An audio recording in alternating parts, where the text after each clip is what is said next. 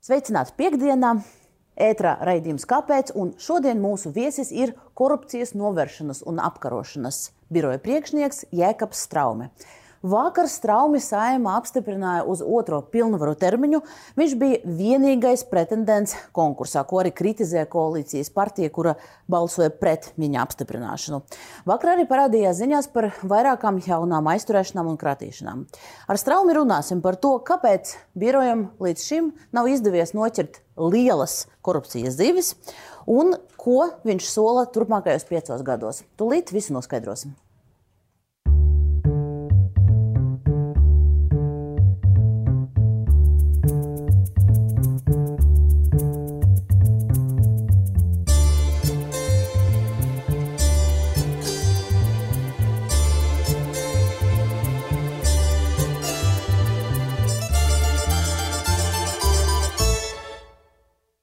Jēkabs Straume. Dzimis 1976. gadā, absolvējis policijas akadēmiju. Pēc divu gadu darba policijā 16 gadus strādājis militāras izlūkošanas un drošības dienestā. Par novājinātā korupcijas novēršanas un apkarošanas biroja priekšnieku Saima Straumi vienprātīgi iecēla 2017. gada vasarā. Vairāki politiķi Straumas apstiprināšanu nodēvēja par pēdējo cerību knabam. Straume apņēmās panākt, ka iestādes darbinieki sāk strādāt kā komanda. 2018. gadā uzsākta izmeklēšana par Rīgas satiksmes transporta iepirkumu. Knapi darbinieki veica kratīšanu arī tā brīža Rīgas mēra Nīla Ušakova mājās un kabinetā. Šā gada janvārī prokuratūra Ušakovam uzrādījusi apsūdzību lietā par aizliegtas video novērošanas ierīces glabāšanu, taču Rīgas satiksmes lietā izmeklēšana joprojām ir iestrēgusi. Straumas laikā vairākas skaļas lietas izbeigtas, gan pirms trīs gadiem uzsākta būvnieku karteļa lieta, gan krimināla process par Latvijas pilsonības piešķiršanu Krievijas miljarderim Piotram Avenam. Pērn birojam neizdevās atrast pierādījumus ASV finanšu uzraugu apsūdzībām par ABLV bankas vadības iesaisti korupcijā.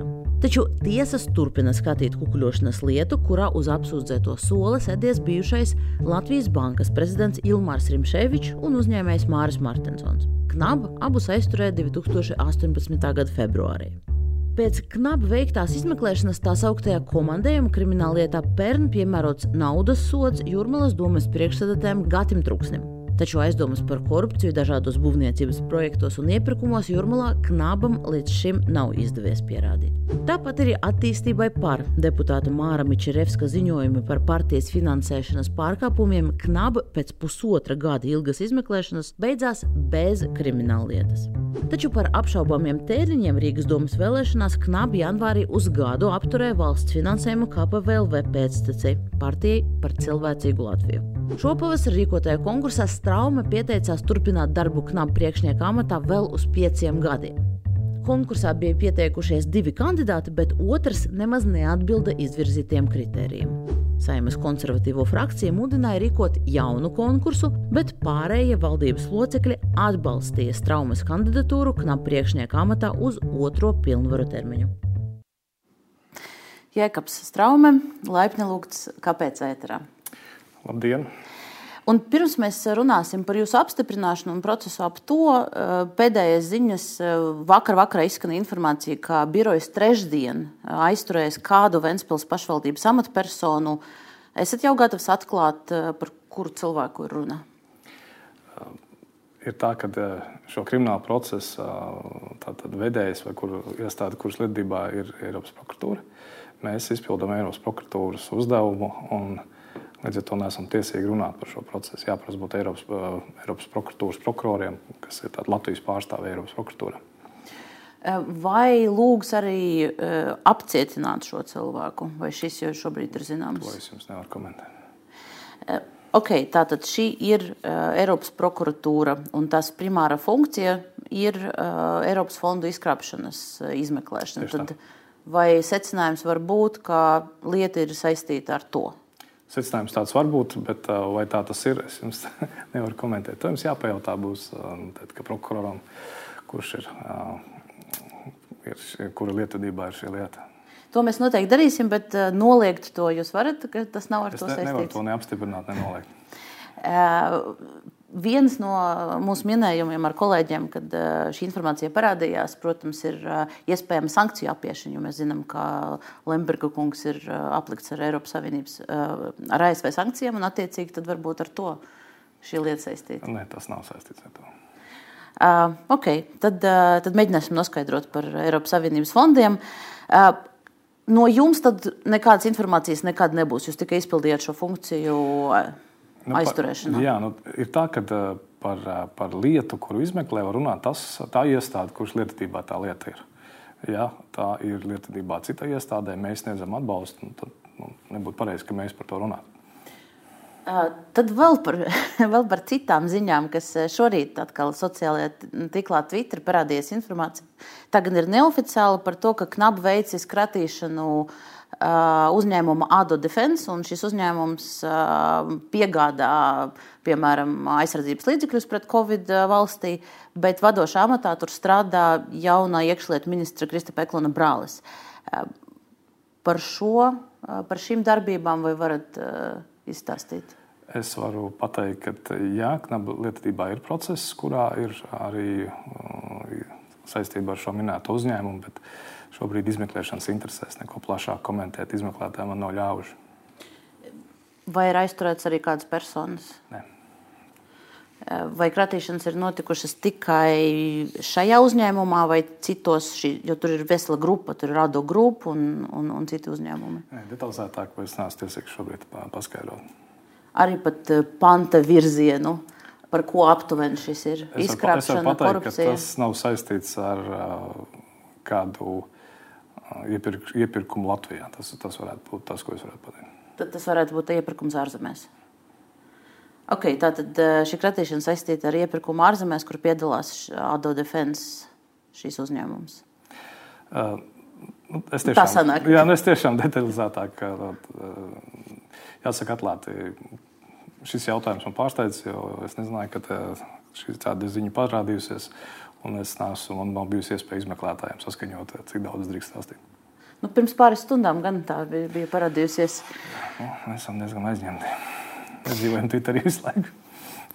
Uh, okay, nu, uh, par šo noteikti tad, uh, kolēģi noskaidros arī sīkāk vēlāk, bet uh, par jūsu apstiprināšanu uh, uz otro termiņu vakar uh, esat uh, nu, diezgan ar lielu pārsvaru saimā iebalsots.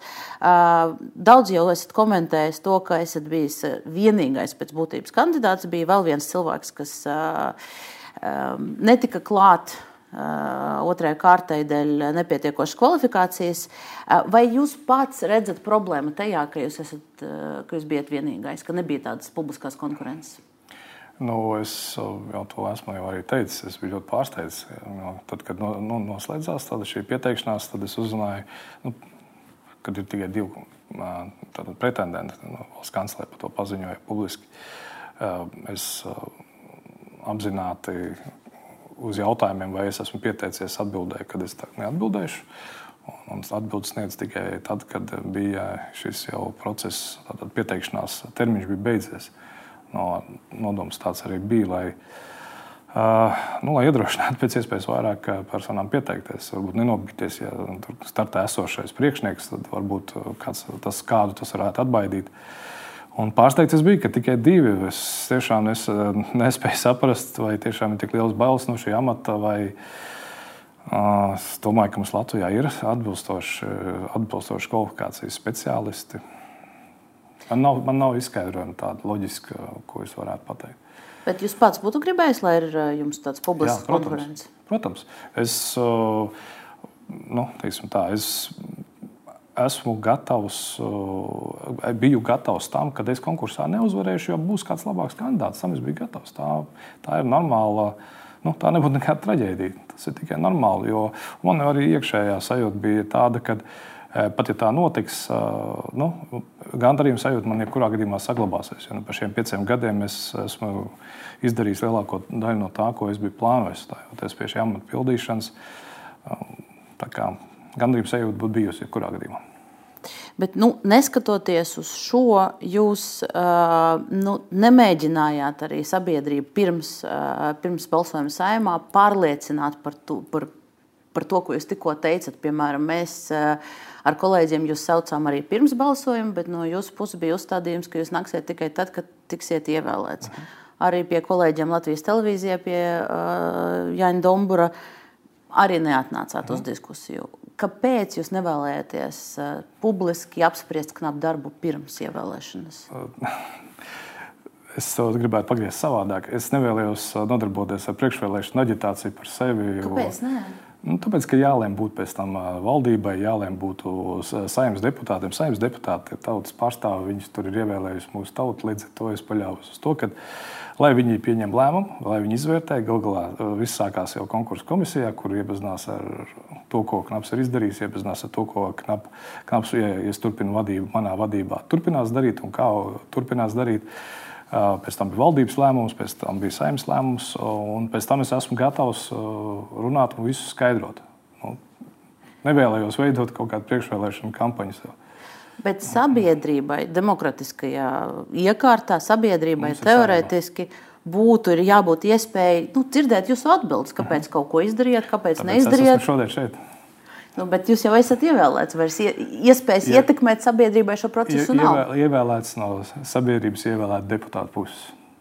Okay, labi, pie tā arī paliksim. Um, jums darba pilnas rokas šobrīd ir ne tikai ar aktuāliem krimināla procesiem un tiem, par kuriem sabiedrība nezina, bet arī ar priekšvēlēšanu periodu. Uh mhm. -huh. Tātad aģitācijas periods ir sācies.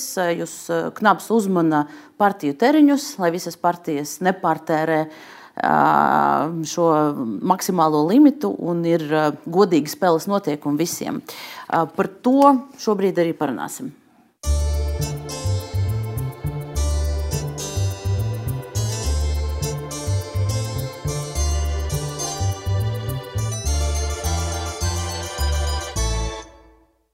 Un Parasti mēs viesiem piedāvājam ūdeni, kas, kas jums arī ir piedāvāts, bet es jums gribēju pavaicāt pie šīs sadaļas, vai jūs gribētu varbūt pacienāties arī ar kvasu. Vēlaties, ne? ne? Paldies. Bet jūs zināt, kāpēc es rādu šo, jā, šo protams, dzērienu. Protams, jā. es arī skatītājiem parādīšu, ka te ir uh, Ilģuķiem kvas ar saskaņas politiķa uh, Eh, Andra Morozova bilde. Es ceru, ka kolēģis eh, no režijas spēs parādīt šo bildi. Eh, un, proti, šī bilde ir arī līdzīga tai, kura bijusi pie pašam Andrim Morozovam priekšvēlēšanu kampaņā pirms, pirms iepriekšējām saimnes vēlēšanām. Un tas, ko es jums gribēju prasīt, nu tad, vai šīs gadījums ir knaba redzeslokā? Protams, ka ir. Mēs tam esam pievērsuši uzmanību un, un tiek vērtēts pirms šķietami pārkāpumi nesaredzami. Ja nav nekādas saistības ar partiju, nav arī minēts vārds uzvārds. Nu, Bet tas ir gan ir minēts, tur ir rakstīts Andris. Nu jā, nu jā Andri, mums ir daudz Latvijas. Es, tad mēs no režijas klāt, to, to nevaram parādīt. Es parādīšu, tad šādi vēlreiz šādi izskatās tas kvass. Un te ir uh, Morozova kunga bilde diezgan uzskatāma. Uh, uzņēmums ir paskaidrojis, ka lūk, viņam ir paticis, patikusi viņa seja, tāpēc ir ielikuši. Tad nu, nav pārkāpums. Protams, ja? ka, es nesaku, ka nav pārkāpums. Es, es saku, ka pirmšķietami eksperti nesaskata, bet viņi, protams, ka vērtēs, jo šis ir pirmais tāds unikāls gadījums. Kāds unikāls gadījums ir, ir jāizvērtē, skatoties no normatīvā regulējuma uh, aspekta. Un, un vērtējums noteikti, kad par to būs. Tad paskaidrojumi ir pieprasīti. Marozovkungam ir uzdoti jautājumi, Ilģisiem Kvasam arī. Šobrīd es plašāk nekomentēšu, lausim, lai eksperti to izvērtē. Vēl viens šķietams aģitācijas gadījums, tāds slēptas aģitācijas gadījums, kas sabiedrības uzmanības lokā ir nonācis, ir Ainara Šlesera mm, kampaņa, kura formāli ir veltīta grozījumiem satversmē, kas aicina nodefinēta ģimene kā savienība starp vīrieti un sievieti. Tur ir autobusi, tur ir koncerti, tur ir tāda avīzija izdevums. Vai šīs ir pārkāpums? Jā, šobrīd mums ir ierosināts divas administratīvu pārkāpumu procesi. Tad iesaistītās personas ir jau bijušas sniegt paskaidrojums, ir jau saņēmuši lēmumus par to, ka brīdinājums par to, ka ir izdarīts pārkāpums, un administratīvā procesa likuma ietvaros ir dots termiņš, līdz kuram šo pārkāpumu ir jāpārtrauc un jānovērš. Tas ir svētdienas vakars.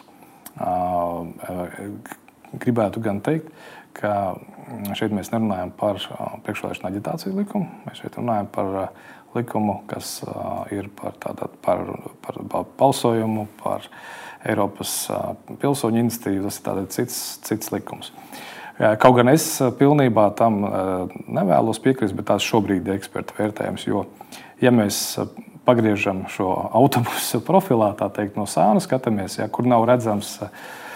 Kur nav redzams tas, par ko tad ir šis, par ko tad ir šis kāpēc tās personas tur ir un Latvija ir pirmā. Tas ir redzams uz autobusu aizmugures. Aicinājums balsot, tad vākt parakstus, lai pēc tam varētu notikt balsojums.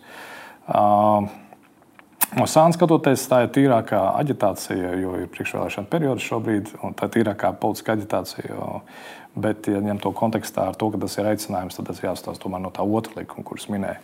Bet, jebkurā gadījumā, arī tajā otrā likumā ir noteikumi, ir, ir, ir strikti liegumi, striktas uh, ierobežojumi, iztērētā finansējuma griezti. Un par to arī faktiski ir šobrīd. Nu, tātad notiek šis administratīvā pārkāpuma procesa divi. Un es domāju, ka nākošais nedēļa mums jābūt, jābūt rezultātam.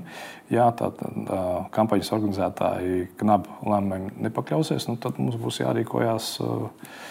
Nu, kā jārīkojas šobrīd, vēl domājam. Iespējams, iesaistīt valsts policiju, iespējams, mums nāksies iesaistīt, ja, ja labprātīgi tā nepārtrauks un, un šīs kampaņas laikā šīs uzlīmētās uzlīmes nenovāks.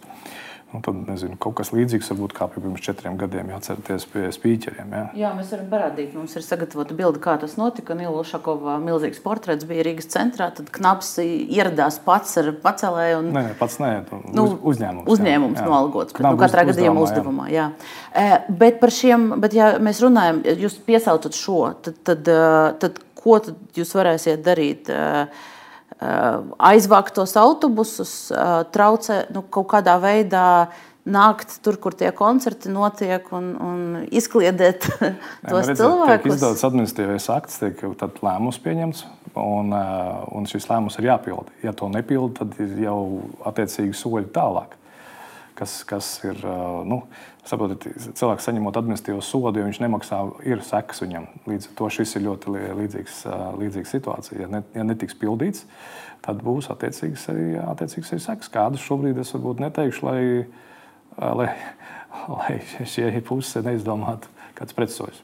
Eh, bet tas attieksies uz eh, visiem šiem kampaņas elementiem, gan autobusiem, gan koncertiem, gan avīzēm. Jā, ja? Šobrīd joprojām tiek vērtēta šī koncerta, jo nu, tur arī saprotiet, viens ir tas, ka tie, kas koncertē, saka, ka tas ir pa brīvu, bet lai, lai nodrošinātu šo koncertu norisi, tātad skatuves, instrumenti, elektrība, vispārējais, ir tādi, tiek tērēti finanšu līdzekļi, un šie finanšu līdzekļi ir jāuzskaita. Un, un, un, un iztērētam apjomam ir noteikts, noteikti griezts, cik drīkst iztērēt.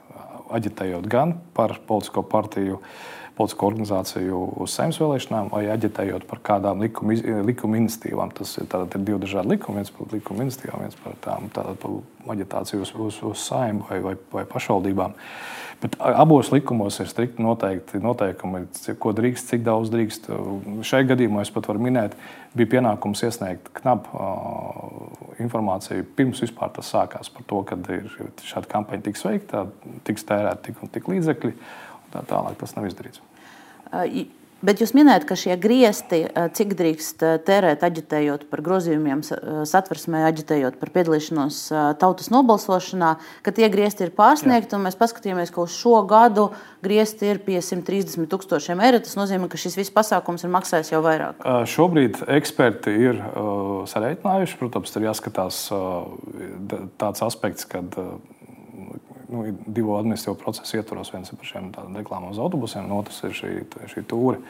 Uh, varbūt tādās lielās detaļās šobrīd negribētu izplūst. Uh, manuprāt, varētu būt jau šobrīd, vai tuvākajā laikā būs arī drusku plašāka relīze no biroja puses, arī mūsu mājaslapā un sociālajos tīklos. Uh, par to, kāda ir šī brīža situācija un ko mēs esam konstatējuši, un kāda, kāda jau ir mūsu rīcība bijusi un ko mēs plānojam rīkoties tālāk. Bet, bet, bet nākošanai pavisam noteikti jau tā skaidrība būs daudz lielāka. Varu pateikt, likuma pārkāpumi ir notikusi, un reakcija no knaba ir bijusi un būs arī turpmāk. Bet jūs pieļaujat, jūs pats teicāt, ka jums subjektīvi šķiet, ka nu, vismaz tie autobusi tā ir slēpta priekšvēlēšana aģitācija. Koncertos arī nu, mēs redzējām, tur tiek cildināti politiķi un stāstīts, cik gadīgi bērnu tev viņi ir un tā tālāk. Vai jūs pieļaujat, ka varbūt pēc laika arī šo, šo visu iekļaus arī, arī priekšvēlēšana izdevumos? Tas nav izslēgts. Tas nav izslēgts, bet um, gribētu teikt, ka, lai kā mēs cenšamies ar normatīvo regulējumu palīdzību tomēr izvairīties no tā, ka kāds var izdomāt jaunus pārkāpumu veidus, tie tiek izdomāti. Un uz katru priekšvēlēšanu periodu kāds ir izdomājis kaut, kādā, kaut kādu veidu, kā, kā pārkāpt. Pat teikšu, atklāti apzināti iet uz pārkāpumu, jo uh, ir izreikināts, ka samaksāt pēc tam sodu ir izdevīgāk. Uh, saņemot varbūt lielāku tātad, aģitāciju, reklāmu sev un tādā veidā iespējams saņemot atbalstu sabiedrībā vēlēšanu laikā vai, vai parakstu vākšanu laikā. Tāpēc arī mūsu iniciatīvas ir par to, ka šie administratīviem pārkāpumiem jābūt daudz augstākiem sodiem. Šobrīd maksimālā summa ir 1400 eiro. Un, un, protams, arī sareiķinātā summa par to, kas ir pārtērēts, ir jāiemaksā valsts budžetā. Tā pārs, parasti ir nu, milzīga. Atcerieties, pirms četriem gadiem dienas biznesa avīzes, ja tur, tur bija tik sareiķināts vairāk kā 100 tūkstoši, kuri, kurus uh, tiesa atzina par, par pamatotiem, ka viņi ir jāieskaita valsts budžetā, un viņi arī tika ieskaitīti. Bet jūsu piedāvājums uh, sodu palielināšana ir konkrēts? Cik, uh, daudz, cik reizes? Četras, piecas? Uh, šobrīd es summas negribētu saukt, jā, jo mums ir jāveic diskusija ar gan tātad, ministru ietvaros, gan arī, protams, atbildīgā komisijā saimā. Bet noteikti ir vēlme to palielināt. Vai tas mums izdosies 13. saimnes ietvaros, es šaubos. Es domāju, ka tas jau būs 14. saimnes jautājums. Bet mēs noteikti uz to iesim. Vēl viens teiksim, audiovizuālais materiāls, kas šobrīd parādās par politiķi, ir filma par politiķu Juriju Jurašu, dokumentāla filma par viņa karošanu Ukraiņas armijā. Mēs varam parādīt nelielu fragment un tad apspriest.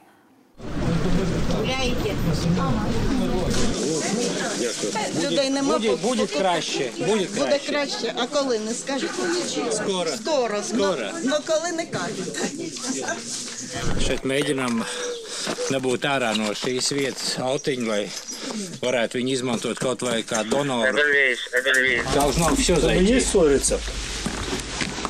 Як це робити? Ну, по интернету обычно. Вот, это специи, да, а это потом на стол.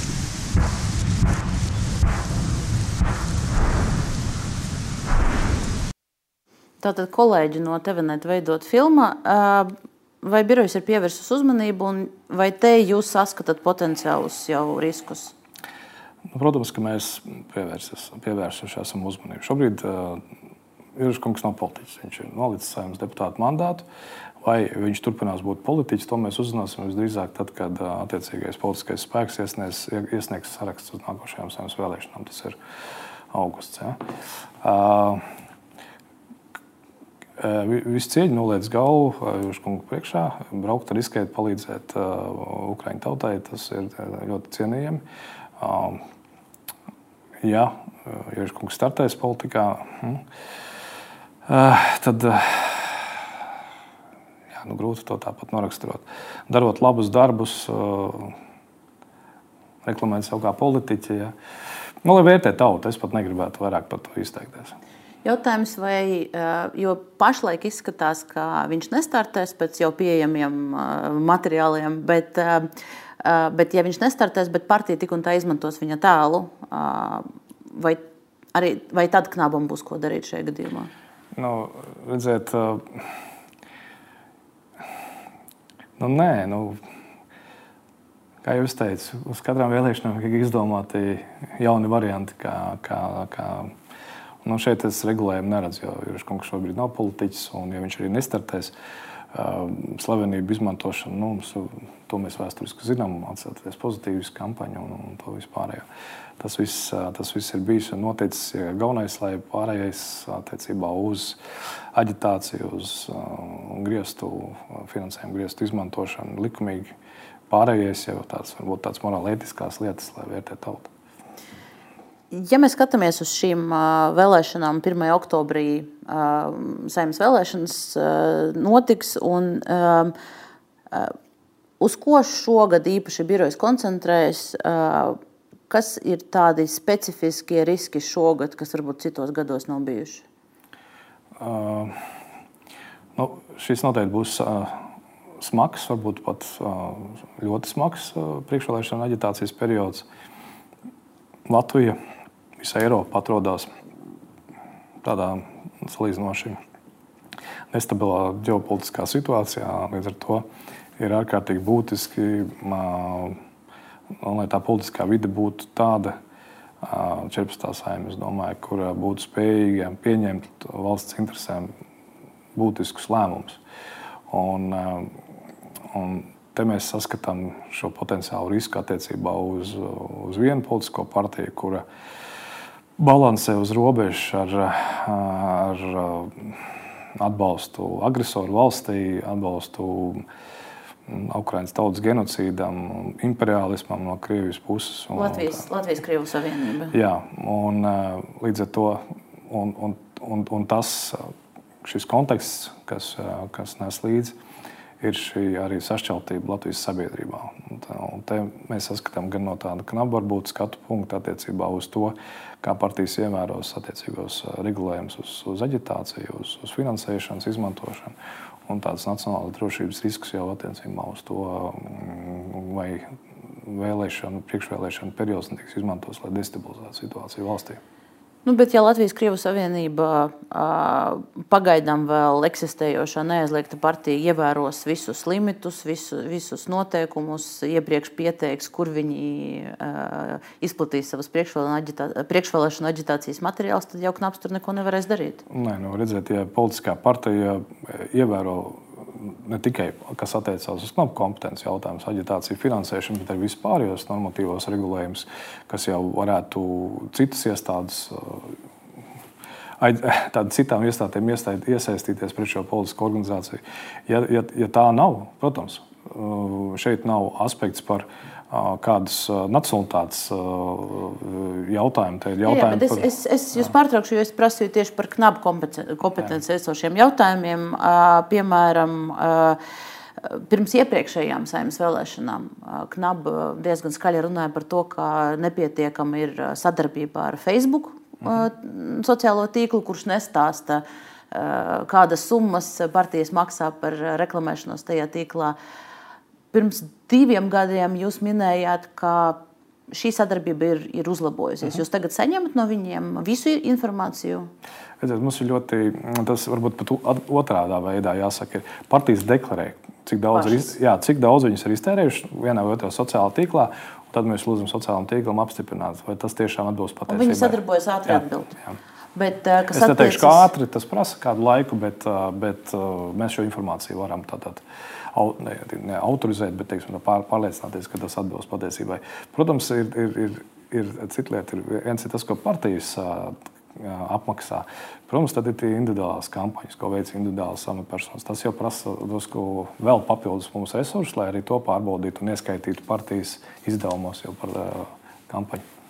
Bet arī tur jūs, eh, tā sadarbība ir. Jā, jā, ir Bet, nu, Facebook ir tāds eh, jau veco ļaužu sociālais tīkls, eh, kā ir ar Telegram un TikTok. Vai, vai tur nu, jā, nu. viss notiek arī? Jūs man tagad spiežat atbildēt, faktiski pasakot pārkāpējiem priekšā, kur viņi tagad var doties un sākt aģitēt. Nu, pārkāpējiem nav jāsaka, ka ir jāveido grupas. Ar, ar, ar Telegram, protams, kad ir salīdzinoši neiespējami un TikTok es pieļauju, ka līdzīgi. Jūs esat mēģinājuši un nav sanācis? Uh, nav, nav uh, kā tas būtu Latvijas, nav responsa. Nu, Tāda nav nekādas atbildes. Vai ir mēģināts uh, kaut kādā ziņā, nu, ar kaut kādu starpvalstu sadarbību paspies uz tiem, uz tiem mēdījiem? Telegram ir Lielbritānijā dzīvotas īpašnieks. Nu, jā, uh, te, teikšu tā, ka tas joprojām ir procesā. Jo es negribu šobrīd pateikt uh, publiski, ka kādas kompānijas nesadarbojas ar Latvijas valsts iestādēm. Jūs jau to teicāt. Nē, nu, es, es, es, es to pasaku, ka tā situācija ir šodien, uz 10. jūniju. Tas var mainīties. Ja? Tāpēc es negribu vainot kādu kompāniju, kur varbūt mums pēc nedēļas sniegs atbildi, un tad Strāma būs nedēļa iepriekš pateicis, ka kompānija nesadarbojas. Tā nebūtu pareizi.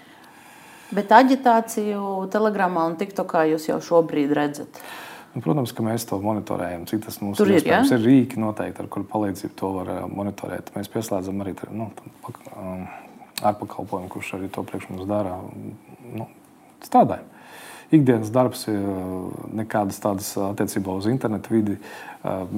s- Izmaiņas no tā, kas bija četras gadus atpakaļ, krā- krāsas kardināls nav, nav saskatāms. Vēl viena neliela piebilde, tāds follow-up jautājums par, par šo dokumentālo filmu no kolēģiem ar, ar Juru Jurašu. Mēs izskatījām divus variantus. Viņš kandidē, un tad, tad ir jautājumi. Ja viņš nekandidē, tad, tad jautājumu vairs nav knabam. Bet, ja piemēram ir nosaukts kā ministra kandidāts, vai šīs arī ir? Vai Te- tur arī tad, te- tad, tad te- var saskatīt kaut kādus pārkāpumus? Te ir jābūt, te ir jābūt tad, saistītam ar partiju. Tas ir tas būtiskākais. Ja nu saistīts ar partiju, tiešā veidā ir valdes loceklis, ja teiksim, ir saistīts ar partiju. Jā, vai partijas biedrs, vai kurš sev pozicionē biedrs kā, kā pozicionē sev kā partijas biedrs. Otrs ir, kad uh, ir uh, veikti šie tēriņi, tad ir izdevumi veikt attiecībā uz to, lai šo filmu veidotu. Vai tos tēriņus ir veids uh, TVNet, vai to ir veids veikusi partija vai, vai individuāli pats jūras jūras. Tie ir jautājumi, uz kuriem tad ir jā, jāsaņem atbildes, lai varētu eksperti izvērtēt. Bet es pareizi saprotu, ka nu, tie jautājumi tika uzdoti. Pro- Jūs, jūs šos jautājumus jums būtu man jājautā septembrī. Mēs esam pašā sākumā, priekšvēlēšana aģitācijas periodam. Vēl viss darbs ir priekšā. Nu, e, iespējams, es jautāju šos e, jautājumus laikus, jo vēsturiski mēs redzam, ka ir daudzi pārkāpumi vai, vai um, teiksim, tā, aizdomas par pārkāpumiem priekšvēlēšana aģitācijā un arī partiju finansēšanā.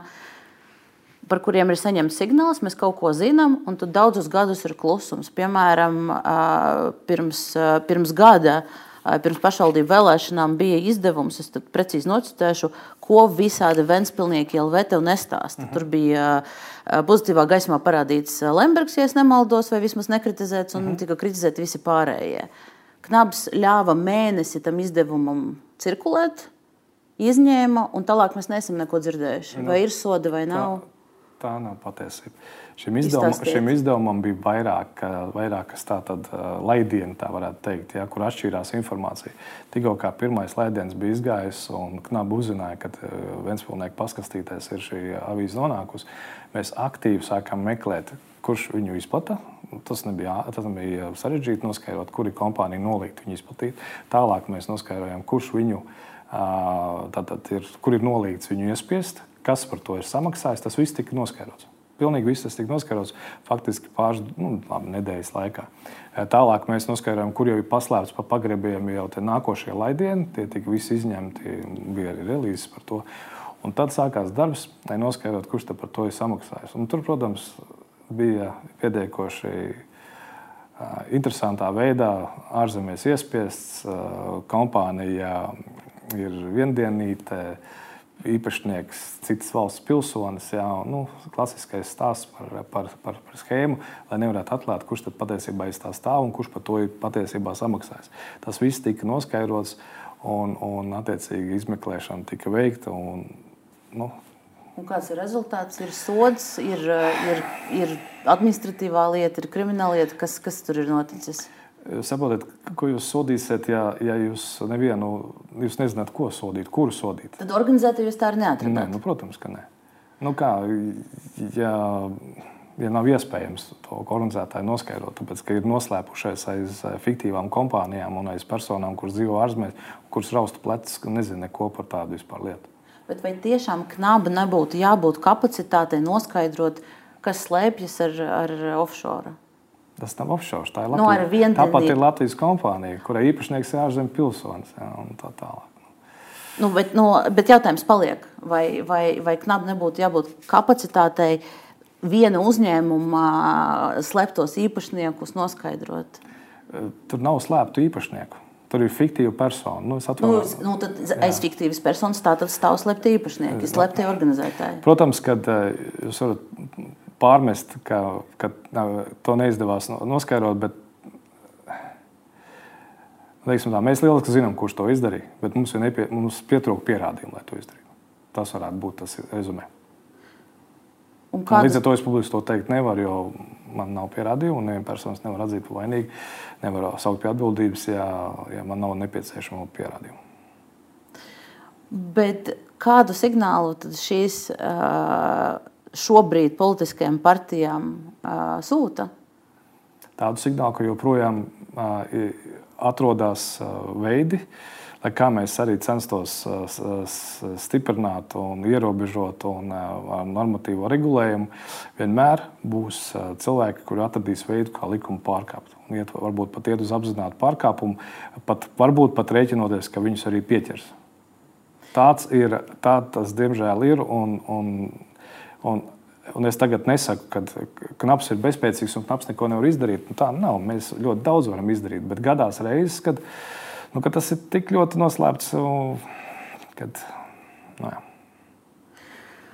Ā, Šis, es saprotu, ka detaļas jūs nevarat izplatīt, bet uh, ma- man, žurnālistē, šķiet, ka šī schēma nav nu, pārāk sarežģīta. Uh, tas tiešām pārsteidz, ka, ka nav iespējams nokļūt pie tās personas, uh, aizbraukt uz tām ārzemēm, atrast, ast- atrast to ārzemnieku. Uh, Es jums varu pateikt, ka visas iespējamās darbības tika veiktas. Vai knapa kapacitāte? Tur ka jūs tur- šobrīd Vai jums pietika spēka, vai, Protams, vai, tur, vai, vai protams. problēma bija tajā, ka jums uh, Nē, nē, mums nebija nekāda kādam problēma. darbiniekam nebija nepieciešama prasmju, lai šo nē, mēs pie, atrisinātu? pie, mums pietika spēka, mēs piesaistījām arī mūsu ārvalstu partnerus un, un, un tā tālāk. Bet es detaļās nevaru iet, jo es, es, es, jūs man gribat, lai es jums tagad detalizēti izstāstu, nobruģēt ceļu uz nākošiem pārkāpumiem, kuri vienkārši paņems un nokopēs to. Nu, nē, es to nestāstīšu. Uh, ok. Uh, vai, uh, ja mēs runājam par partijām, vēl viena tāda nu, diezgan nozīmīga knaba funkcija ir, ir uh, uh, finansējuma kontrole. Uh, un Vai jums šobrīd, kā jūs šobrīd vērtējat, vērtējat vai knaba krampis šobrīd ir pietiekams, lai partijas atturētu no schēmām finansēšanā? Jūs domājat, ziedošanas un, un, un, un biedru naudas. Ne, ne, ne attiecībā uz valsts finansējumu izlietošanu. Mēs runājam par ziedošanu Ok. okay. biedru naudām. Jā. Jā. Nu, tur, kur tās schēmas mēs varam novērot. Jā, nu, te ir tā, ka, lai, lai es ar visām četrām atbalstu to, kas notika pirms pusotra gada, kad tika ieviesta jaunā partiju finansēšanas sistēma, mēs ā, panākuši esam, un to jau mēs redzam šobrīd, izvērtējot ā, pagājušā gada rezultātus, pie tā, ka ziedojumu apjoms samazinās. Ā, Ziedojumu no katras fiziskas personas apjoms ir ierobežots, ir sevišķi tām politiskām partijām, kuras saņem valsts finansējumu. Ā, Līdz ar to ir samazinājusies šī eh, naudas loma politikā, naudas, kas nāk no ārpuses. Ir palielinājusies tā, tās, tā finansējuma loma, kas ir, nāk no valsts finansējuma un politiskām partijām. Tātad atkarība no naudas no ārpuses ir samazinājusies. Tas ir liels pluss. Bet tajā pašā laikā mēs esam panākuši arī tādu, tādu situāciju, ka politiskām partijām uh, Nu, Tad divi aspekti. Tas, būs tā, diezgan. Es cent, centīšos izskaidrot, lai varētu saprast. Un, un Iero- īsi, vēlams īsi. Jā, bet nezinu, vai tas izdosies. Partija, kura saņem valsts finansējumu un atrodas saimā, var no vienas fiziskas personas gadā griezumā saņemt 2,5 eiro. Punkts. Ne, ne, ne centu vairāk. Partija, kur nav saimā vai, vai kuru nesaņem politisko finansējumu, griezt ir daudz lielāka - 25,000 no vienas personas.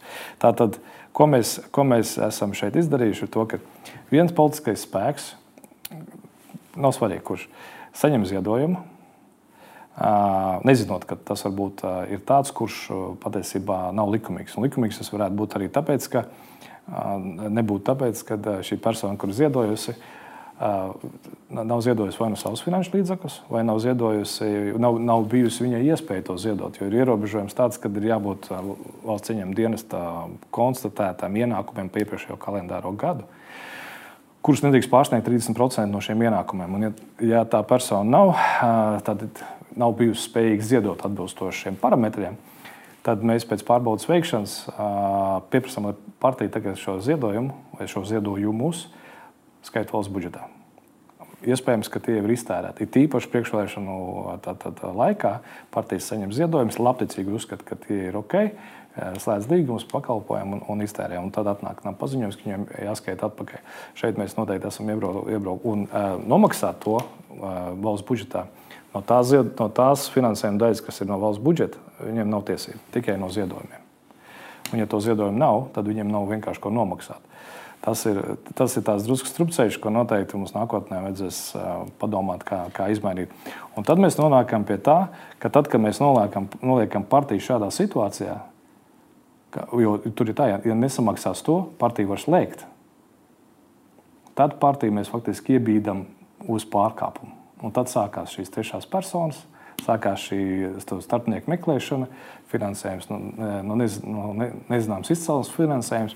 Mēs varam pieļaut, ka tā ir kāda kā kukuļu nauda un tā tālāk. Tā joprojām. Sarežģīti, bet es nu, jūs tā runājat, kā partijas, part, pa, pa, partiju melnās kases parādījies tagad dēļ jaunā regulējuma. Jo, nu. Partijā melno kašu nav. Tas ir aizmirstēt, tas ir sen pagājis laiks.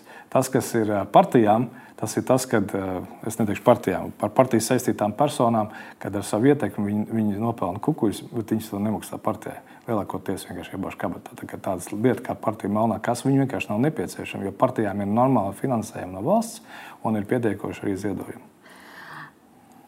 Latvijas attīstībai gadījums. Uh mhm. -huh. Uh, pusotru gadu mēs gaidījām uh, no knaba uh, tādu vis, vispārējās uh -huh. pārbaudas rezultātus. Pirms mēneša parādījās informācija to, par to, ka četri, četri administratīvie sodi ir. Vēl deviņas administratīvas lietas joprojām tiek izmeklētas. Vai tas ir ātrs darbs no knaba puses, jo tūlīt būs jaunas vēlēšanas un vēlētājiem uh, joprojām nav iespējas novērtēt. Vai, vai tur ir bijuši pārkāpumi? Es varbūt ne visi skatītāji atcerās. Es uh, īsi atgādināšu, ka Mičerevskis politiķis bija apgalvojis, ka viņš ir saņēmis uh, no, no Jūra Pūces naudu, kuru bija jāieskaita partijas uh, kontā kā ziedojumu, un tad knaps solīja pārbaudīt. Mhm. Tātad, atgriežoties pie jautājuma,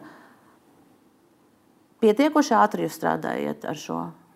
Protams redzēt, nu atkal jūs man gribat, lai es detalizēti izstāstu mūsu taktiku un kā mēs, kā mēs sākām šo jautājumu.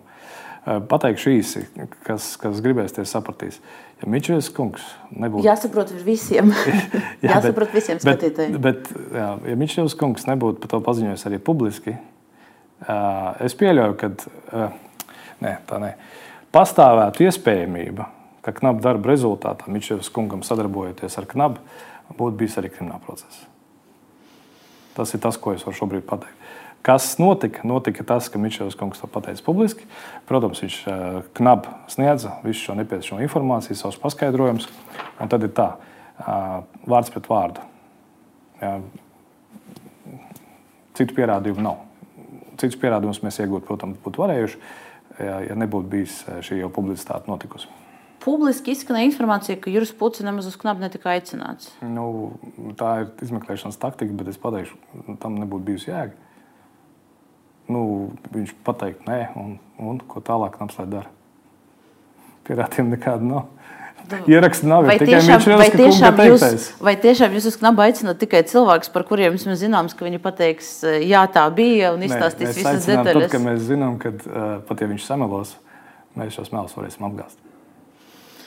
Uh, okay, mums ļoti strauji laiks virzās uz priekšu, un uh, par partiju finansējumu uh, es gribēju vēl daudz uzdot jautājumus, uh, bet, lai apspriestu arī citus, citas korupcijas lietas, mēs tad iesim uz priekšu. Un, uh,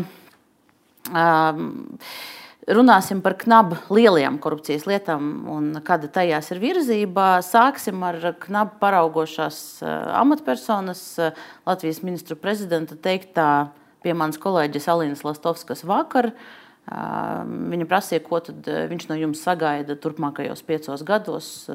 Neliels fragments no intervijas. Ceļavēja vārdi ir tik turpināt. Eh, galvenais ir koncentrēties uz lielām, nozīmīgām lietām un nešķērst eh, pārāk daudz resursus no tādām mazām lietām. Nu, kā varētu teikt, noķersim vispirms lielās zivis, mazās pašas aizbēgs.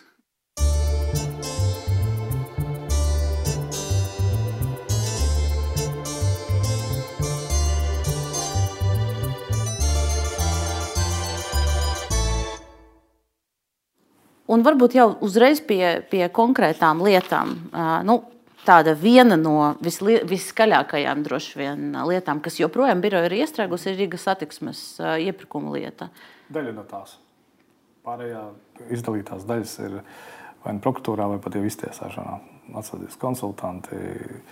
Un, un tā, tā. Nu jā, bet tie, tie miljonus vērtie iespējamie kukuļi, kur iesaistītas lielas amatpersonas, tas joprojām ir pie jums. Jā, es divu dienu laikā jau trešo vai ceturto reizi to pateikšu. Šajā lietā viss, kas ir atkarīgs no Latvijas izmeklētājiem, ir izdarīts. Bet mēs šo lietu nosūtīt krimināla vajāšanai nevaram, jo mēs joprojām gaidām 22 tiesiskās palīdzības lūgumu izpildi no vairākām ārvalstīm. Gaidām jau vairāk kā pusotru gadu, un tāda ir tā situācija. Jautājums, vai, vai eh, ir kaut kas eh, uzlabojams arī pašā birojā, eh, lai tā sadarbība ar ārvalstīm sokas labāk? Mums ir sadarbība ar ārvalstīm, viss ir kārtībā, bet ir ārvalstis, kuras vienkārši ar Latviju kā tādu negrib sadarboties. Mm, vai ir iespējas nu, kaut kā pa kaut kādiem aplinkus ceļiem kaut ko uzzināt? Aplinkus ceļiem tiesiskās palīdzības lūguma izpildi nenotiek. Viņas notiek prokuratūra līmenī viena prokuratūra ar otru prokuratūru. Uh, Nu, šis atkal ir vēl viens signāls. Es, es saprotu, ka jūs nesauksiet tas valstīs, tas valstis, kas nesadarbojas, lai potenciāli korumpanti nesūtītu visu naudu uz to valstu bankām. Jūs man sapratāt pareizi. Uh, bet uh, nu, atkal te sanāk līdzīgi kā, kā ar to Ventspils uh, uh, avīzi. Korumpanti zina, slēpjam uh, naudu kaut kādos attālākos offšoros, un viss, un nekad mēs netiksim līdz, līdz patiesībai. Tā sanāk. Ir veiksmes faktors. Ir veiksmes faktors, un ziniet, knaps nu noteikti nebūs tā vienīgā iestāde, kurai uh, veicās vai neveicās ar uh, šādu nozīmīgu, um, pārdomātu Pretējā pusē ir patiešām arī gudri cilvēki iesaistīti un, un tā tālāk. Līdz ar to tas ir, tā, tāds, tā ir tāda cīņa saka, starp labo un, un ļauno, un tā nekad nebeigsies. Ir nepieciešams uzlabot. Protams, nesaka, ka knaps ir ideāls un mēs esam supervaroņi un spējam jebko atklāt. Tā tas nav. Ir nepieciešams uzlabot kvalifikāciju gan izmeklētājiem, gan operatīviem darbiniekiem. Bet bieži vien izmeklēšanā un arī operatīvā darbībā nostrādā veiksmes faktors. Dažreiz paveicās, kā, kā saka, kā aklai viss tā grauds, vienkārši iekrīt un mēs uh, noķeram uh, un, un dabūjam to, kas mums ir tas pats būtiskākais un uh, spējam, uh, spējam faktiski nekavējoties reaģēt un, un, un, un, skaid, un smēnešu lieta ir prokuratūrā un viss ir kārtībā. Jūs minējat, ka ir jāuzlabo kvalifikācija. Kur, Aha. kur, eh, kur tas kvalifikācijas trūks šobrīd darbiniekiem? Uh, nu, ir tā, ka uh, mēs diezgan strauji pēdējos gados um, papildinājām izmeklētāju rindas. Es varu palielināties, mums izmeklētāju vakants, viss ir aizpildīts. Bet tie ir izmeklētāji, kas atnākuši no nu, citām tiesību aizsardzības iestādēm, kuru specializācija bijusi savādāka. Korupcijas lietas ir diezgan specifiskas. Tātad ir nepieciešams viņus pievilkt līdz tam līmenim, kāds jau ir esošajiem pieredzējušiem, kas ilgu laiku jau strādājuši knabā izmeklētājiem. Vēl viena lieta - Rīgas turisma attīstības birojas. Arī tur uh, skaļas aizturēšanas, uh, skaļas skratīšanas. Mēs visi redzējām, kā nes uh, melnās plēvēs ietītus maisus no, no, no Rīgas domes. Uh, Aizdomas ir, ka Rīgas tur, es skatītājiem atgādināšu, aizdomas ir, ka Rīgas tur, turisma attīstības biroja nauda, kas ir pēc būtības Rīgas nodokļu maksātāja nauda, Rīgas budžeta nauda, tika izmantota uh, gan privātiem izdevumiem, gan fiktīviem darbiniekiem, gan fiktīviem sadarbības līgumiem.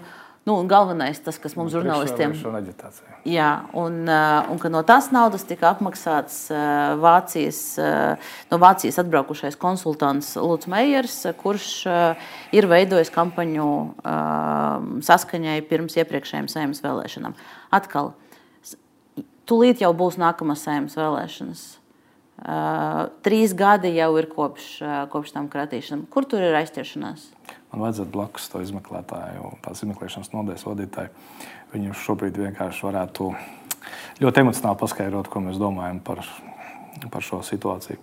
Bet es, uh, es varu pateikt tikai to, ka bija tiesiskās palīdzības lūgums.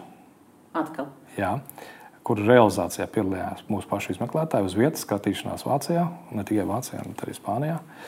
Un,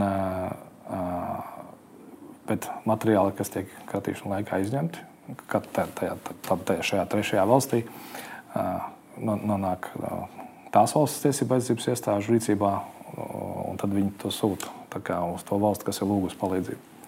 Šie lēmumi, kurus uz mūsu pamatotā lūguma pamata tika izdot lēmumu Vācijas prokuratūrā ar tiesas lēmumiem, tad tika veikts skatīšanas, tika pārsūdzēti.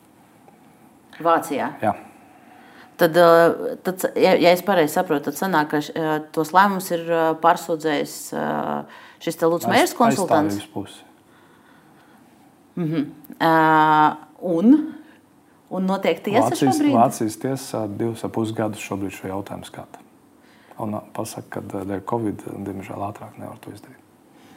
Un mēs esam iesaistījuši gan Vācijas mūsu partnerus, gan mūsu pārstāvjus Eiropas, Eiropas prokuratūrā, mūsu pārstāvjus Eirodžast.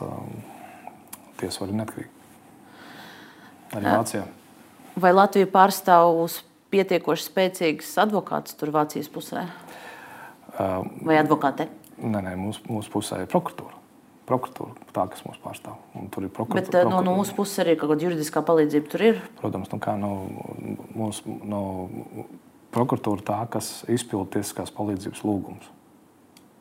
Ja? Tātad mēs lūdzam tiesisko palīdzību citai valstī. Jā, jā, es saprotu, bet nu, mūsu nu, parasti šajās lietās piesaista vēl, vēl klāt juristus, nē, lai, nē, lai nodarbojās tas... šajā gadījumā valsts, valsts puses pārstāv prokuratūru. Un, un man, man nav nekādu šaubu, ka Latvijas, tad, tad, kas šo jautājumu pārstāv, būtu kaut ko nedarīt pietiekoši labi. Uh, ir kaut kādas prognozes, kad, kad šis varētu atrisināties? Nē.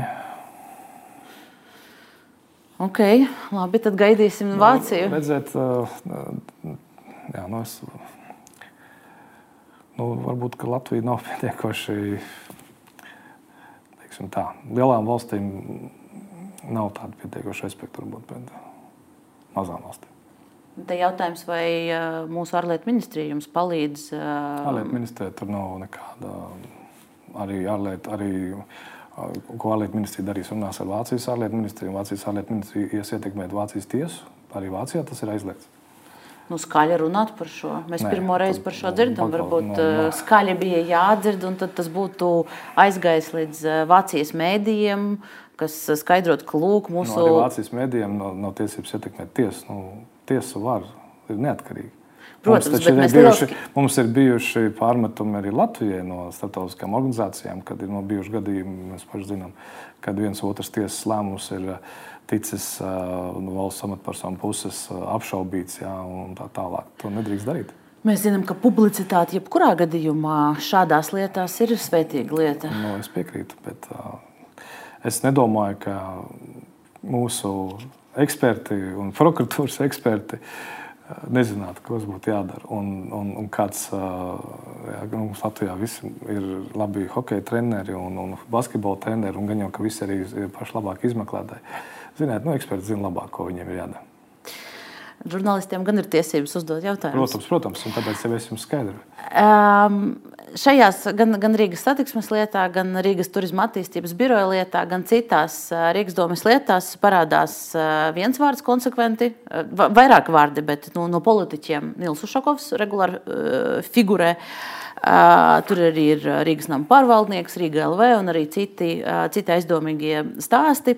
Bet nu, vienīgā lieta, uh, vienīgā lieta, kas ar viņu vārdu ir nonākusi tiesā, un nākamnedēļ ir tiesas sēde, ir vienā no kratīšanām, cik var noprast nejauši, knaba operatīvie darbinieki uzgāja šim te. Uh, slep, slepenai ierakstīšanas ierīcei. Un es gribēju jums nospēlēt uh, Ušako teikto šajā pašā studijā, kur viņš komentēja, kā izskatīsies šīs tiesas process. Varam noskatīties. Šis būs ļoti mm, interesants tiesas process. Uh, es nevaru iedomāties, ka šajā procesā es varētu zaudēt. Um, tas viss kopumā, kā tas bija veidots, kā tas attīstīsies un tā tālāk, tas, tas būs interesanti daudziem, kad šī tiesa sāksies. Tas ir viss, ko es gribu teikt. Es gribu teikt, ka es tiku apsūdzēts par to, ka pie manas kabinetā atrada salimētu kaut kādu paštaisītu. Mēs dikti un ilgi mēģinājām to nosaukt pareizi latviešu, no rezultāta vienojāmies, ka tas ir krāms. Un um, kur nebija nospieduma nekā cita. Un tas notika trīs gadu laikā ar uh, visam izmeklēšanām, publicitāti un tā tālāk. Interesanti būs. Jums ir ko teikt? Uh... Gadījumos, kad kratīšana laikā atrod uh, priekšmetus, uh, kuriem par kuriem varētu būt aizdoma, ka tie ir tā saucamie strateģiskas nozīmes priekšmeti. Strateģiskas nozīmes priekšmeti var būt daudz un dažādi, bet uh, daļa no tiem ir tie, ar kuru palīdzību var veikt uh, uh, tādas darbības, kuras var nosaukt par operatīvām, operatīviem, operatīvām darbībām. Tādas slepus ierakstīt, video, audio un tā tālāk. Gadījumos, ka kratīšanās atrod tādas ierīces, knapi nav eksperti, lai pateiktu, vai tā ir strateģisks nozīmes preci vai nav, tad eh, attiecīgajai iestādēji, kurai ir tiesības eh, sniegt savu ekspertu viedokli, tiek sūtīts lūgums eh, izvērtēt, vai šī ir strateģisks nozīmes preci vai nav. Un tas tika izdarīts, un tika šāds atzinums saņemts.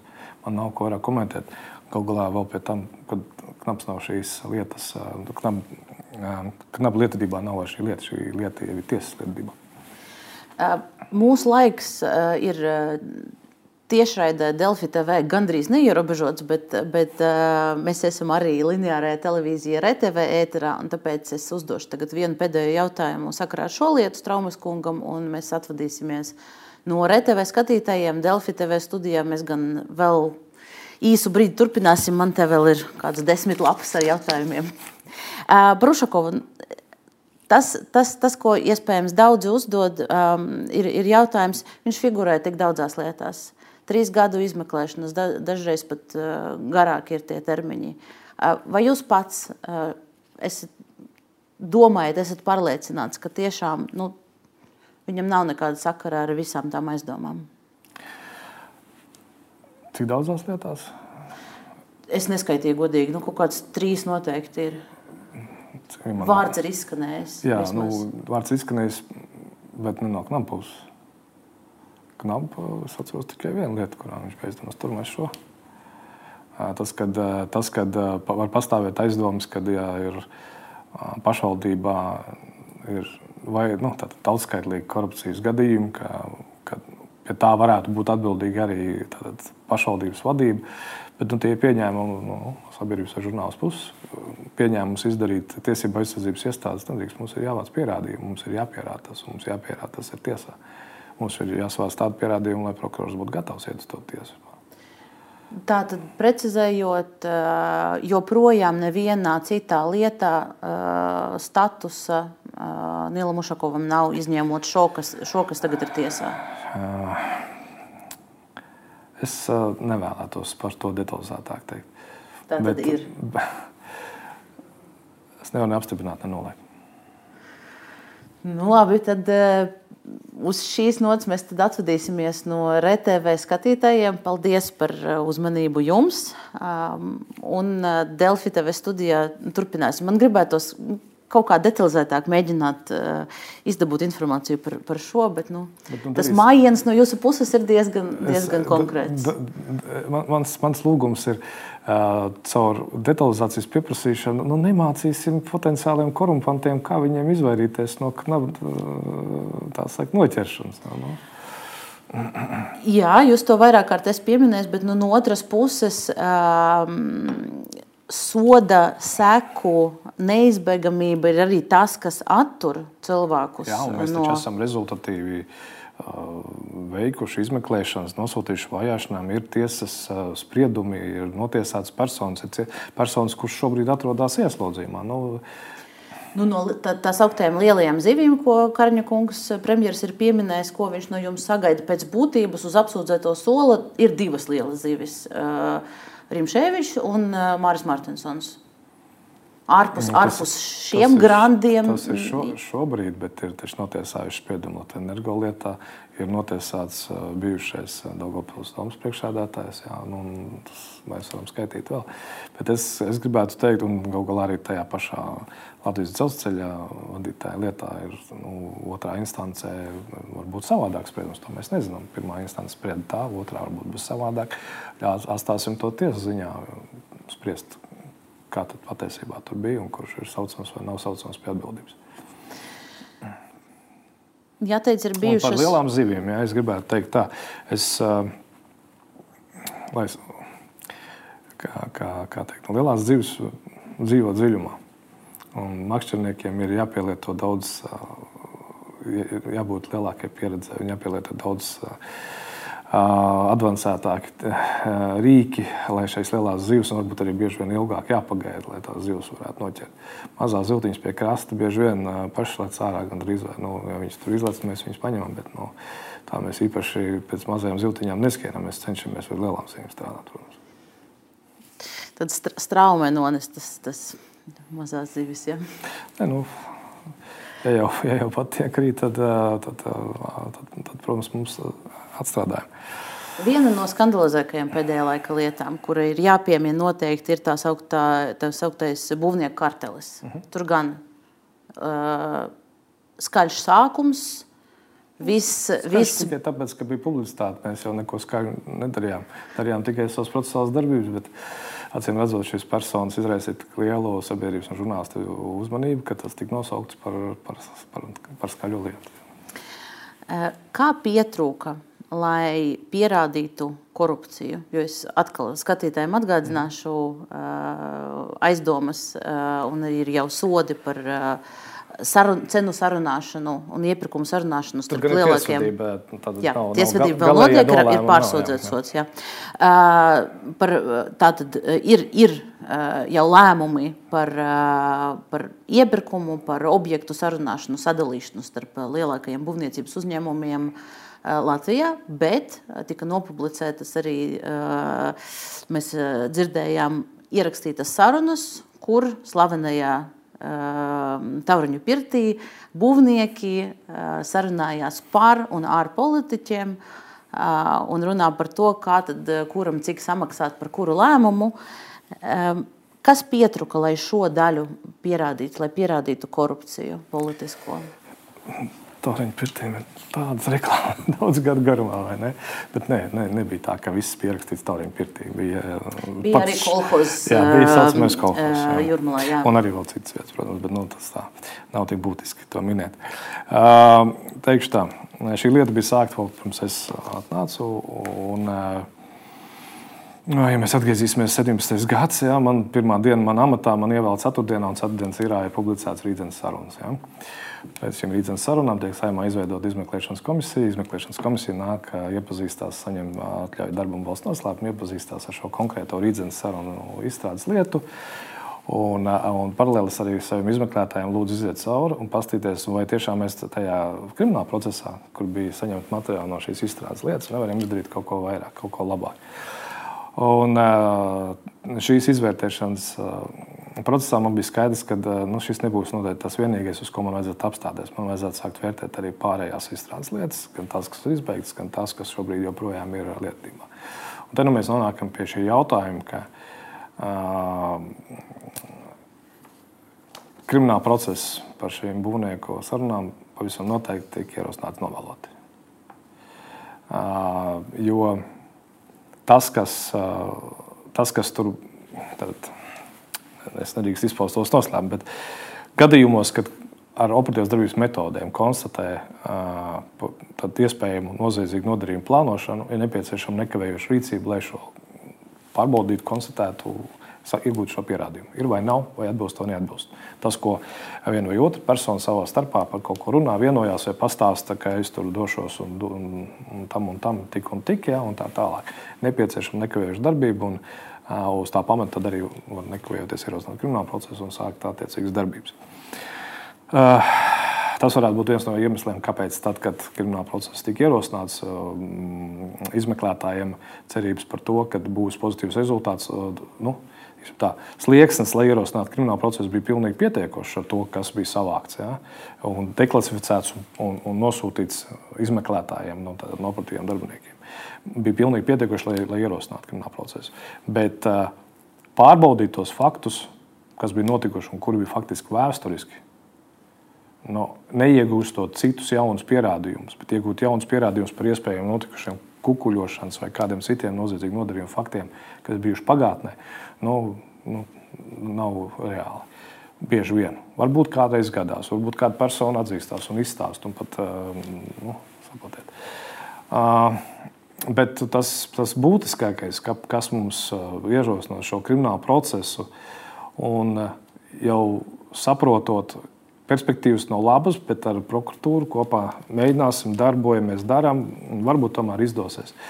Un tas tas tā kā, tāds motivators arī tam, ka, kad jā, ejam, darām, nevar tā vienkārši gulēt. Uh, klasificēti materiāli par iespējamu korupciju, un mēs viņus nepārbaudām ar kriminālu procesu normām, nerosinām kriminālu procesu, ir tomēr jārīkojas. Uh, saprotot, ka, ja beigās tomēr neizdosies, tā lieta tiks izbeigta, knaba reputācijai, tas nāks par sliktu. Bet mēs faktiski vien, vienbalsīgi sapratām, ka ir jāpanāk vismaz kāds risinājums attiecībā uz šiem iespējamiem pārkāpumiem. Un tas ir tas, ka mēs ierosinot kriminālu procesu, varam šos materiālus nosūtīt konkurences padomē. Konkurences padome strādā administratīvo procesu ietvaros, klasificēta informācija nestrādā. Tāda informācija no operatīvās izstrādes lietas viņam nav izmantojama. Saprotiet? Nu, es saprotu, jūs sākāt procesu, lai varētu, zinādami, ka tur visticamāk nekas nenotiks, nu, ne, lai vismaz nu, konkurences tik, padomu var kaut ko izdarīt. Tik pesimistiski varbūt nē. Nu, viens otrs, viena otra epizode likās, ka varbūt tā, tomēr izdosies. Tur bija paši labākie izmeklētāji, kas mums uz to brīdi bija, strādāja un tā, bet es vēlos, lai sabiedrība saprot, ka uh, Nevis mēs atstājām to, ah, nu, tā nesanāks, tā ir guļ un, nu, kā saka, neko nedarīsim. Jo savādāk, ja tiks tāda lieta, un mēs neko neizdarām, tad viss sabiedrība mums rādīs uz pirkstu. Un, uh, un tie, kas korumpanti, teiksim tā, tiem būs tie sitīs plaukstas vienkārši un priecāsies par to, ka nav nekā, kaut, kaut kas nav izdevies, un mēs varam tagad taisīt viņiem negatīvu publicitāti. Jautājums, vai jūs esat noskaidrojis, kāpēc tie cilvēki, kas ielika atvilknē šīs noklausītās sarunas un negāja ķert aiz rokas, mēģināt piefiksēt to kukuļošanas faktu, ko es saprotu, tas, tas būtu bijis jādara kaut kādos gadījumos. Kāpēc viņi tā darīja? Kāpēc viņi ielika atvilknē šīs sarunas? Neteiks, neteiksim, ka ielika atvilknē. Nu, nerīkojās. ne, nereaģēja varbūt pietiekoši ātri, vai man tam izskaidrojumu nav. Man tam nav izskaidrojuma. Tas ir mm, laika periods, pirms es biju vadītājs. Tas ir laika periods, kad uh, strādāja citas amatpersonas attiecīgajā struktūrvienībā. Varbūt tur bija kādi. Uh, Varbūt tur bija kāda apsvēruma, un es par to varu arī savā ziņā attaisnot vienu otru apsvērumu. Ja, no, no šīs lietas izauga arī vēl vairākas lietas. Ja, Latvijas Universitātes iepirkuma komisija ar personu, ja, kurš šobrīd ir tiesājumā, ja, un vēl viena otra lieta. Jā, vēl viena, nu, es uzvārds nedrīkst saukt, vēl viena, lieta, vēl viena otra lieta. Uh, protams, ir kādreiz šī, šī izvēle, uh, ka mēs tagad, uh, ja mēs tagad startējam un darām, tad varbūt mums kaut kas daudz lielāks un nopietnāks vairāk nekad neizdosies. Tāpēc tā puse zinās, ka nu, kad, nu, viņi agrāk vai vēl nu, uzzinās. Tur vēl nopietnāk, kā iespējamā ministru kukuļošana, uz kuru tika no, norādīts. Te, te, te gan jāsaka arī tas, ka, nu, nu, saprotiet, pirtī vīri visu, ko var runāt, ne, un sevišķi varbūt viņi vēl ir makšķernieki vai mednieki. Ja? Ja, ja knapi paļautos katru reizi, kad dzird, kurš kuram cik ir devis, un, un, un, un domāt, jā, jā, bet... ka tā ir patiesība un nevis blefs, tad. Nu, Nu, jūs, pats, jūs, jūs pats teicāt, ka ir, ir, ir, ir vajadzēja rīkoties, vajadzēja iet un to visu pārbaudīt. Jautājums, vai par to, ka novēlot uzsākta šī lieta, jau jūsu laikā, trīs gadus pēc tam, kad šīs sarunas bija, bija ierakstītas, vai par šo kāds uh, no knapdarbiniekiem. Nu, saukt atbildības, jo viņi vairs knabā nestrādāja. À, viņi visi jau bija aizgājuši. Uh -huh. Nu, tad man jāsauc uzvārds vai uh, operatīvas izstrādes nodaļu. Tajā laikā, ja es nemaldos, Juris Jurašs vadīja, un vai jūs esat saucis viņu uz kaut kādām uh, sarunām, oficiālām, neoficiālām, prasīt, kāpēc? Es, uh, es negribu vainot kādu konkrētu personu. Bet jūs bijat viņu saucis? Nē. Jūs esat viņam prasījis? Nē, es neesmu to darījis. Otrs, Kāpēc? Otrs, pagaidiet. Uh, visam ir savs laiks, tas ir viens. Teiksim, uh, varbūt uh, paņemsim, aizmirsīsim šo būvnieku lietu, pa, pa, pa, paskatīsimies uz Latvijas bankas prezidenta lietu. Arī tur bija līdzīgs stāsts.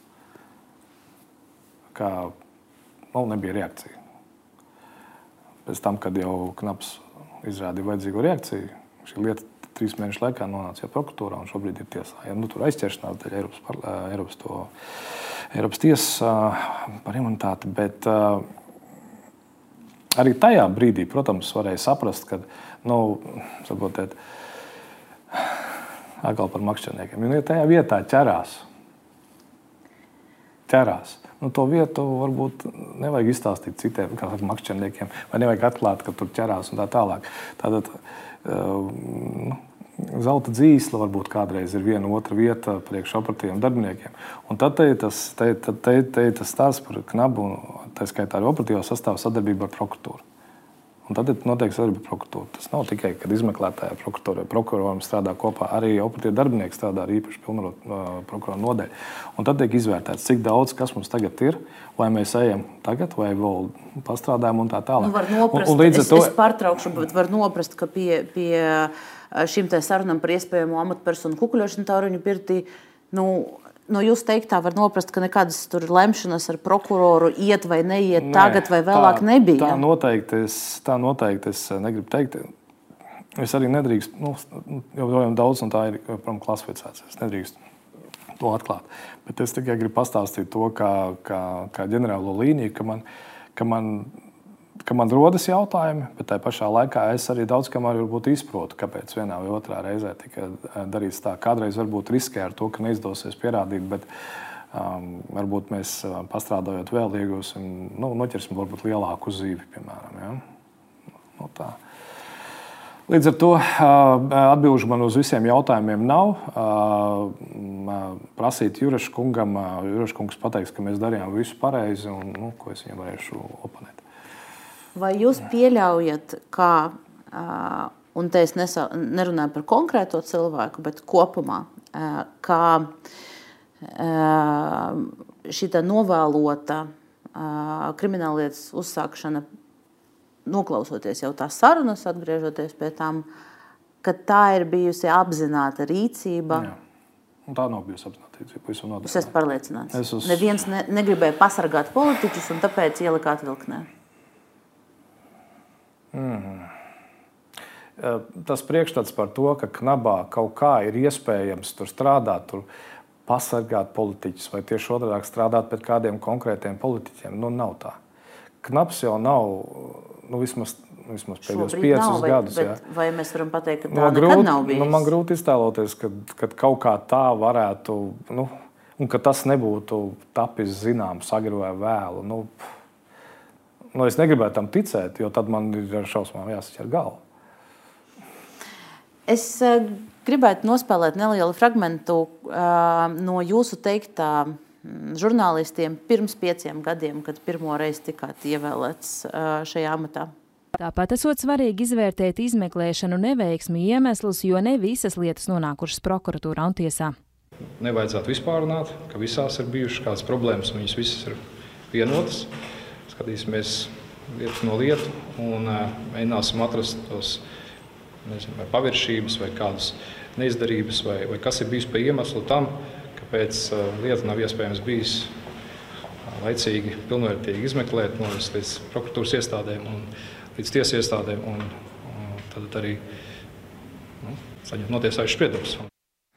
Šis bija viens no jūsu solījumiem un jūsu uzdevumiem - saprast, paviršības, neizdarības vai iemeslus tam, ka, ka nav bijis eh, iespējams nosūtīt lietas uz prokuratūru. Es pieņemu, ka šis var attiekties arī uz, uz mūsu apspriestām. Apspriest. Un, un tad, eh, tad nu, esat izpildījis šo, šo solījumu? Uh. Uz visiem atbildes jautājumiem, tad jau, uz visiem jautājumiem atbildes es priekš sevis neesmu joprojām saņēmis. Uh, Bet uz tiem, uz kuriem es kritiski sapratu, kas, kas, kas faktiski visbūtiskākā veidā ietekmē izmeklēšanas kvalitāti vai operatīvā darba kvalitāti, uz tiem jā, un tur ir vajadzīgie labojumi ir izdarīti. Detalizētāk? Nē, nē, nu, es par iekšējo, iekšējo darbu nestāstīšu, protams. Šī intervija varētu būt ļoti interesanta. Um, Vēl, vēl viena lieta, ko izskatot visu padarīto jūsu laikā, uh, birojā, uh, kas ir aizķērusies, un, un uh, vismaz es nebiju atradusi, kā tā beidzās. Pirms trīs gadiem uz īsu brīdi aizturēts bija Aleksandrs Brandovs. Uh -huh. uh, gods kalpot Rīgai. Atkal skatītājiem jāpaskaidro, ne visi atcerās šo, šo cilvēku. Gods kalpot Rīgai politiķis. Uh -huh. Rīgas satiksmes darbinieks, vienlaikus uh, bijušais uh, īpašnieks uh, uzņēmumam Rīgas mikroautobusu satiksme, kas no Rīgas satiksmes saņēma nu, diezgan nopietnas naudas summas par mikroautobusu pakalpojumiem. Bija aizturēts, bija runa par to, ka tur ir iespējama kukuļošana vārdā nesauktām amatpersonām, izmantojot starpnieku medijos, un jūs arī pats apstiprinājāt, ka iespējams tas varētu būt arī slavenais Māris Martinsons. Uh, Kas šajā lietā notiek? Lieta divi joprojām. Jūsu. Uh -huh. Tad, tad apsūdzības vēl nav izvirzītas prokuratūrā. Šī lieta tur nav aizsūtīta vēl uz prokuratūru. Lai nestāstītu pārāk detalizēti, tur notiek cieši darbs kopā ar uzraugošo prokuroru šobrīd. Tā tad virzās uz to, ka tiks pieņemts viens vai otrs lēmums. Ok, tad tuvākajā laikā gaidīsim par šo. Um, man, man režijā ziņā, ziņo, ka jums īstenībā jau ir beidzies laiks un ir kaut kādas nākamais, uh, nākamās darīšanas. Uh, Bet pirms atvadīties, vēl mazliet par komunikāciju ar sabiedrību. Par šo diezgan daudz runā arī vērtējot jūsu, jūsu darbu birojā. Cilvēkiem ir mazāk skaidrs vērtējums par biroju, pieaug to cilvēku skaits, kuriem īsti nav skaidrs, ko viņi domā par knābu. Vai arī mēs redzam, ka cilvēku gatavība dot kukuli, varētu teikt, ka viņa principā viņa ir risks eh, pieaugt, jo vienkārši cilvēki, eh, pirmkārt, viņi arī vairāk stīri statistikas saka, eh, ka viņi īsti nezin, ko viņi darītu, nonākot tādā situācijā, kur viņiem būtu iespēja dot kukuli un savu problēmu atrisināt. Un arī ir sarucis to cilvēku skaits, kas saka stingri, ka viņi nedos nekādu kukuli. Viņi ir salīdzinoši tā statistika nevisai labvēlīga.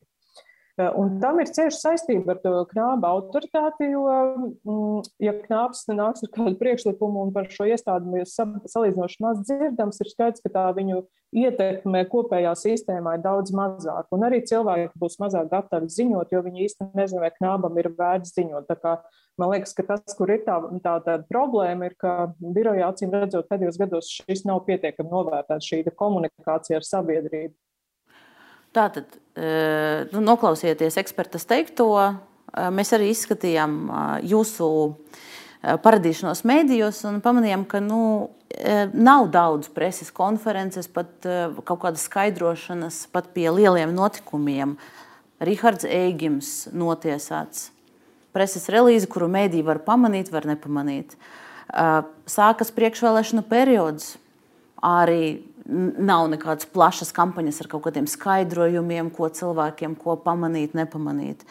Ehm, atņemts finansējums KPVLV partijas pēctečiem, arī knabs, nu, relīze un viss. Kāpēc? Kāpēc jūs neiet pie sabiedrības uh, skaļāk, skaidrojošāk?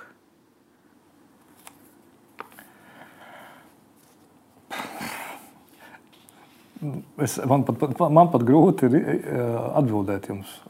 Jo kāpēc? Nu, par katru tādu faktu nu, es nezinu. Mēs uh, ziņojam, mēs uh, informējam.